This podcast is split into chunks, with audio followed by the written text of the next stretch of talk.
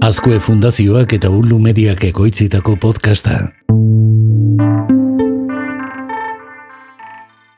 Podcast honetan, teknologia gure ohiko bizimoduan eta zehazki hezkuntzan nola lagun gaitzaken azaltzen saiatzen naiz.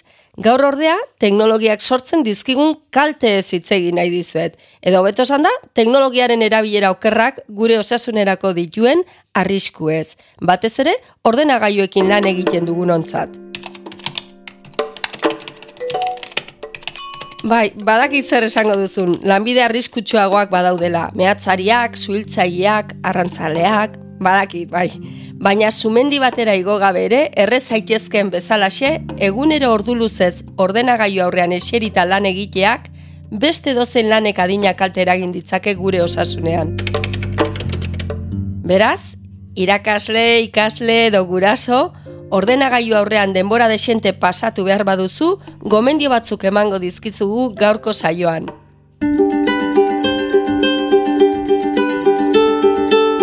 Kaixo, maite goni naiz, eta hau, amar minututan podcasta da. Amar minututan, maite gonirekin.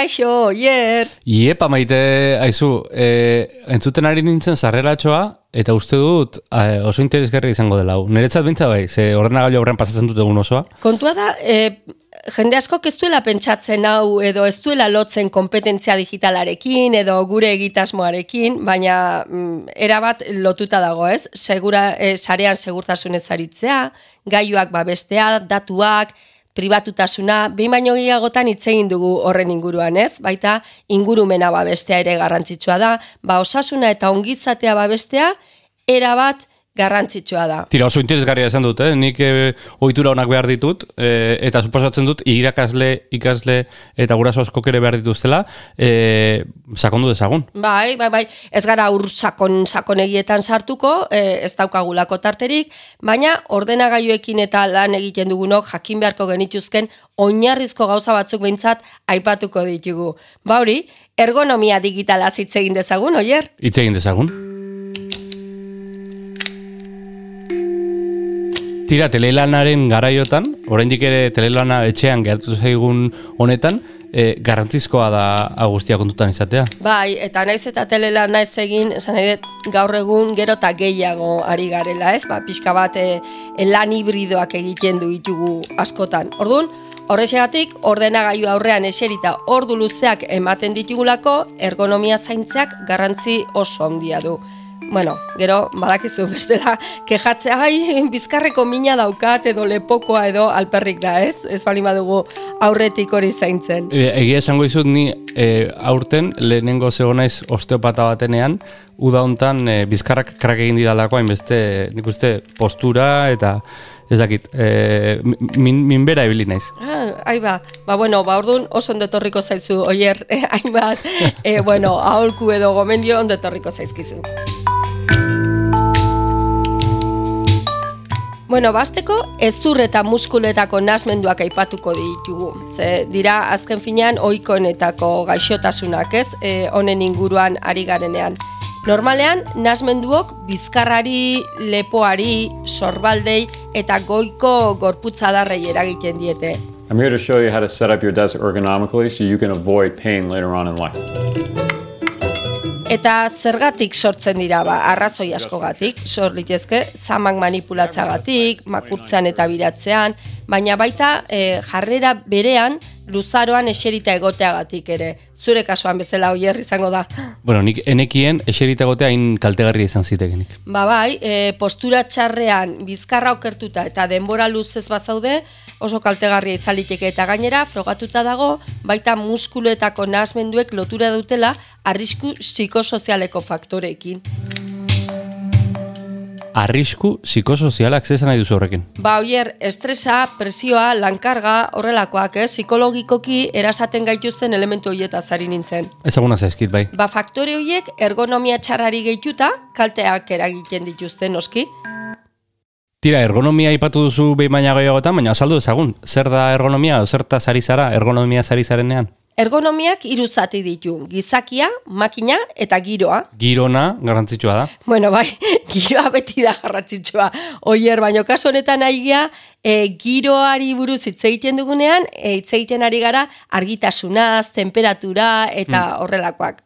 Oier, zuk nun egiten duzu lan? Nik egiten dut nire etxean, nire bulegotxoan, e, eta tira, e, segurazki ergonomia aipatuta, aipatuko dizut, a, duela gutxi aldatu nuen lan ere e, jarlekua jogako bola batengatik eta funtzionatzen dit. Ah, bai? Ah, oso interesgarria. Bai, bai, bai, Eh, bai. enuen uste agian paus hori ze, bueno, paus hori ematea kosta egiten da, eh? Ba, bueno, Esan berrizu gainera, eh, gomendioa, Santi Salvador, soinu diseinatzaileak egin zidala. Berak e, la- lan egiten duelako ordu asko ere, eta, bueno, badirudi bolak, ba, behartzen zaituela mugimenduan egotera, eta, eta funtzionatu dit. Bueno, hor, hor Bueno. nire ergonomia e, e, aholkua. Ondo, ondo, ondo.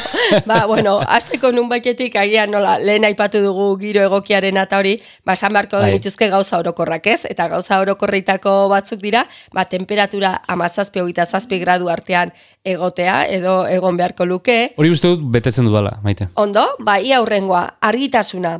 Argi naturala beti, bueno, badakizu, beti da eskertzeko, ez? ez baina, beste alde batetik erreflexuak edo itxualdiak eragin ditzake. Ordun, ordenagailuaren pantaila kokatzean, leioarekiko perpendikularrean jarriko dugu. Albo batean, e, zuzenean pantailari eman ez dizaion? Bai, eta komeni da, leioen aurrean, bueno, logikoa dan bezala, estalki egoki bat, eta aldala, ba, erregulagarria izatea, ba, gortina bat, edo horrelako zerbait, gehiagizko argia leuntzeko modukoa. Tira hori ere betetzen dudala uste dut. Vale? Ba, orduan, goazen ergonomiaren bigarren elementura, gizakia. Ni neu homo erdisapiens.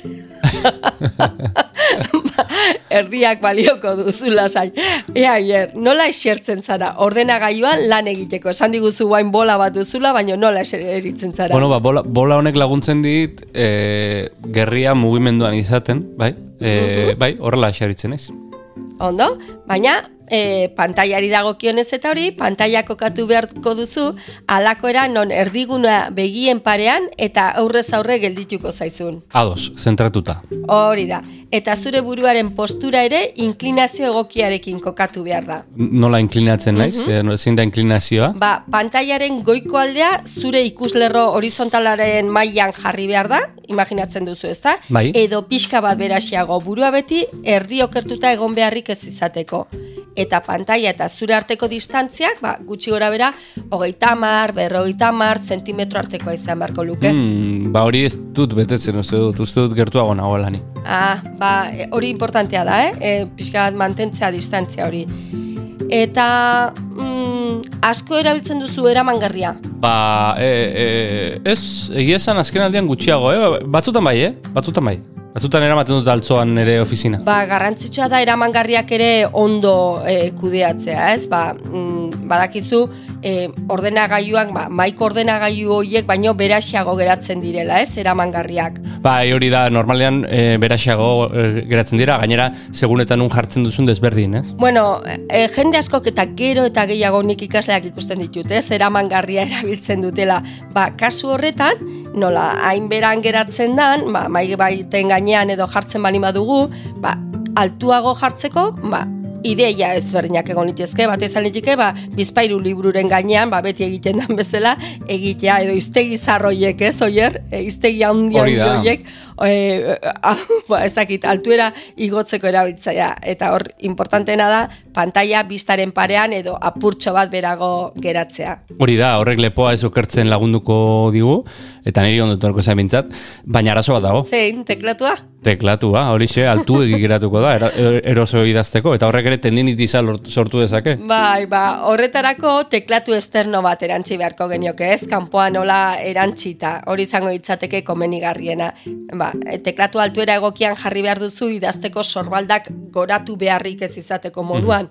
Ba, horretarako gomendagarria da besaurreak lan mailaren gainean bermatzea eta orduan erosoena izango da ba, kanpoko teklatu bat ipintzea eramangarriari. Besoak beti mai gainean. Hori da, txorakeria dirudi eh, esaten nahi gana, ez? Edo oso logikoa, baino ez dugu bat ere betetzen egi esateko, ez?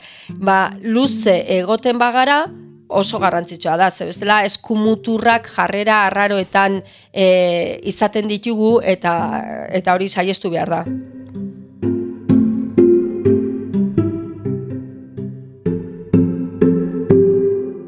Ondo, zerbait gehiago daukagu, ala... Ba, nik uste, dut, eh, nik esango nuke edo, garrantzitsuena agian bizkarra. Bizkarrari arreta ipintzea, bueno, be, eh, ni gainera azken aldin bizkarra dauket, egi esateko, hainbeste ordu ematen ditut, ordera gaiu aurrean, ba, komeni da, bizkarra oso ondo zaintzea. Ez paduzu nahi behintzat, e, osteopata baten konsulta mukatu. Hori da, e, gure bizkarrezurraren postura funtsezkoa da. Pentsatu guaintxe bertan nola zauden oier. Oantxe bertan nago, e, Bai. nere bolaren gainean, Bai? eta... E, Barruratz makurtuta? bai, pixka bai, pixka bai. Ba, ez dugu barrurantz makurtu behar, nire askotan egoten naiz, eta konturatzen naizenean, beti se- segituan saiatzen naiz ez, ba, hori zuzentzen. Ze horrek tentsioak eragiten ditu, eta gerora bizkarreko arazoak, eta, bueno, eta beste Bai. gaitzak, ez, ekar ditzake. Bizkarra zuzen, aulkiaren atzekaldean bermatuta. E, hori da, bola batean ez bali mazaude bentsat nik, horregatik bolarena e, bizkarrarentzat ez dakit nola... No, Ez pentsa, ez pentsa, benetan esate dizut, eh? Ze igual, Eh, e, horrek beak behartzen zaitu, ez? E, eukitzea, eh, bale. karo, ez, eh, gaina, ez que nik lehen neukan eh, aulki nahiko handi bat, ola eh, erosoa, baina Bai. aulkiek daukate gauza txar bat, eta da eh, bizioak hartzen direla. Alegia, eh, al, albo batera, eh, beste alde batera jartzen zara, eta hor, hor gelditzen da, ez? Eta eh, gorputza, eta eta bolarekin bizioak ezin dituzu hartu. Da. eten, etengabe mugimenduan egon behar zara, eta horrek laguntzen dio gorputzari ez eh, bizio horiek ez hartzen. Bale, ba, e, hola bada, fenomeno. Eta bestela, balin badaukagu hoietako e, aulki edo besaulki hoietako bat, bizkarra eta gerria aulkiaren aurka bermatu behar ditugu, hori bai ala bai. Eta markurtu gabe, oso garrantzitsua da. Aulkiaren bizkarraldeak erregularra, bueno, erregulatzeko modukoak izan beharko lukete, edo, eta bizkarraren euskarri ona izan. Hori, ba, ba hori. I, eta gero, ba, beste datutxo bat emateko hier, izterrek eta bizkarrak laro mar gradu eta eun gradu arteko angelua osatu beharko lukete. Angelu zuzenean alegia. Hori da, eta garrantzia dute oinek ere. Detaile txikia dirudi, baino ez da, eserita gaudela, hankak eserlekutik zintzilik ez edukitzea garrantzitsua da. Hankak lurrean finkatuta izen behar Hori da, lurrean, edo oinentzako, bueno, badakizu nola egoten dira euskarri hoiek, ez? Nik olako bate daukat, eta horre, horre ukitzen ditut bermatuta oinak. Hori ziurtatzeko batez ere aurrak esertzen direnean, ez? Ze aulkiak altuera erregulagarria izan behar du, ba, bakoitzera egokitzeko. Hmm, e, maite, baina gauza bat. Zer? Eta zer gertatzen da ordenagailua eramaten baduzu? Bueno, imaginatzen dut esan nahi duzula sofara edo eta oera, ez? Gero eta gehiago eramaten ditugu. Hori da, sofara edo era, e, ze, egia da, jende askok e, eramaten dituela gailuok, ez? Nik, beintz, nik behintzat, bai, Bueno, ba, nik egia esateko ez gehiagi, eh? baina disgusto bat eman behar dizut. E, hori egitea ez da munduko gauzarik gomendagarriena, pentsa dezakegun bezala, ez? Orduan, saiestu ezin dugun ohitura txar bat izan ohi da.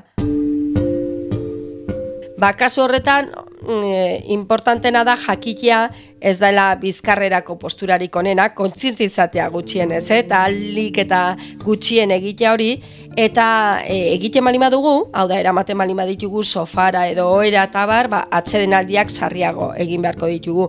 Batez ere, bizkarra zuzen eta burko baten gainean bermatuta edukitzen saiatu behar dugu.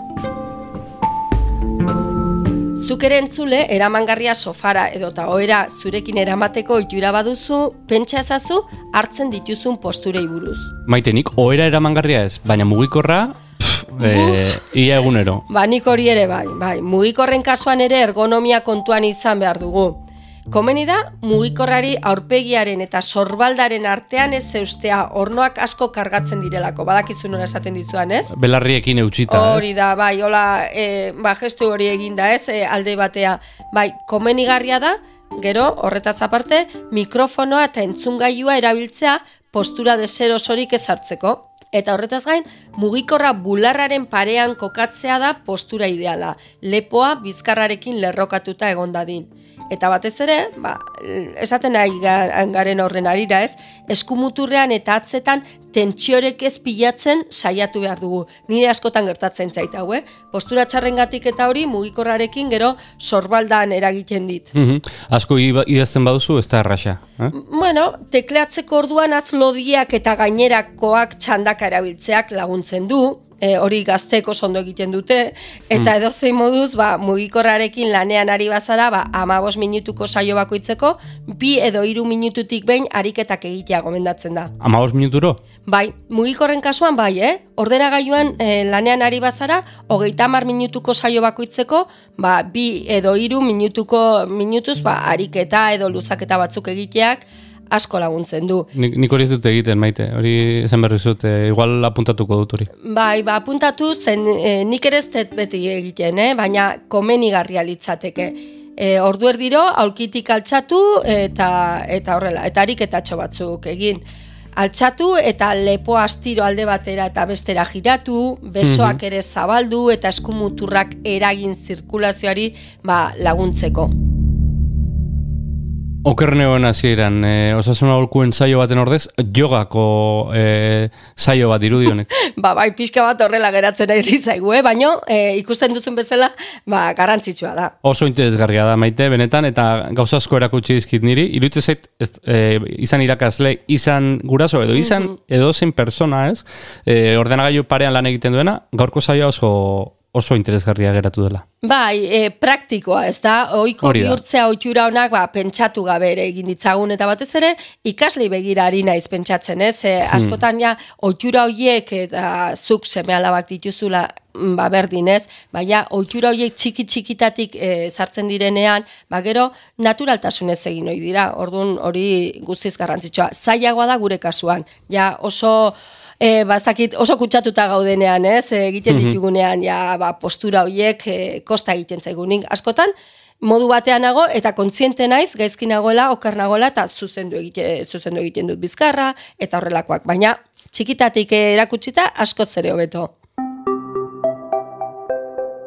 Zaiatuko gara ohitura horiek hartzen, eta beste ohitura oso on bat da, amar minututan, aztero aztero entzutea, zure audio plataforman. E, edo zein audio plataformatan sartu, eta e, bertan arpidetzea, ez pasar arpidetu orain arte, eta gustatzen balin bazaizu maite, gomendatzea lagunei. Hori da, eta gu ba, oso pozik, e, zabaltzen baldin baduzue hortik zeharre, badakizue dozein zalantza edo gaur ere ipiniko dugu, baliabide bat, beti bezala, orain e, infografia bat ipiniko dugu oier, ba, ikusteko postura hoiek, distantzia hoiek, eta beti irudi batekin asko ez hobeto ikusten da. Primeran. Ba, hause da, orain goz dena urrengor arte orduan. Urrengor arte maite bezarkada bat. Bezarkada bat, oier. Agur, agur. Agur.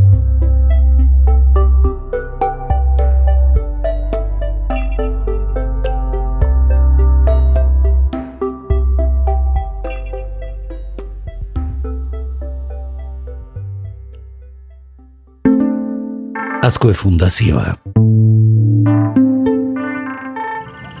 Ei, entzun hori. Ulu Media.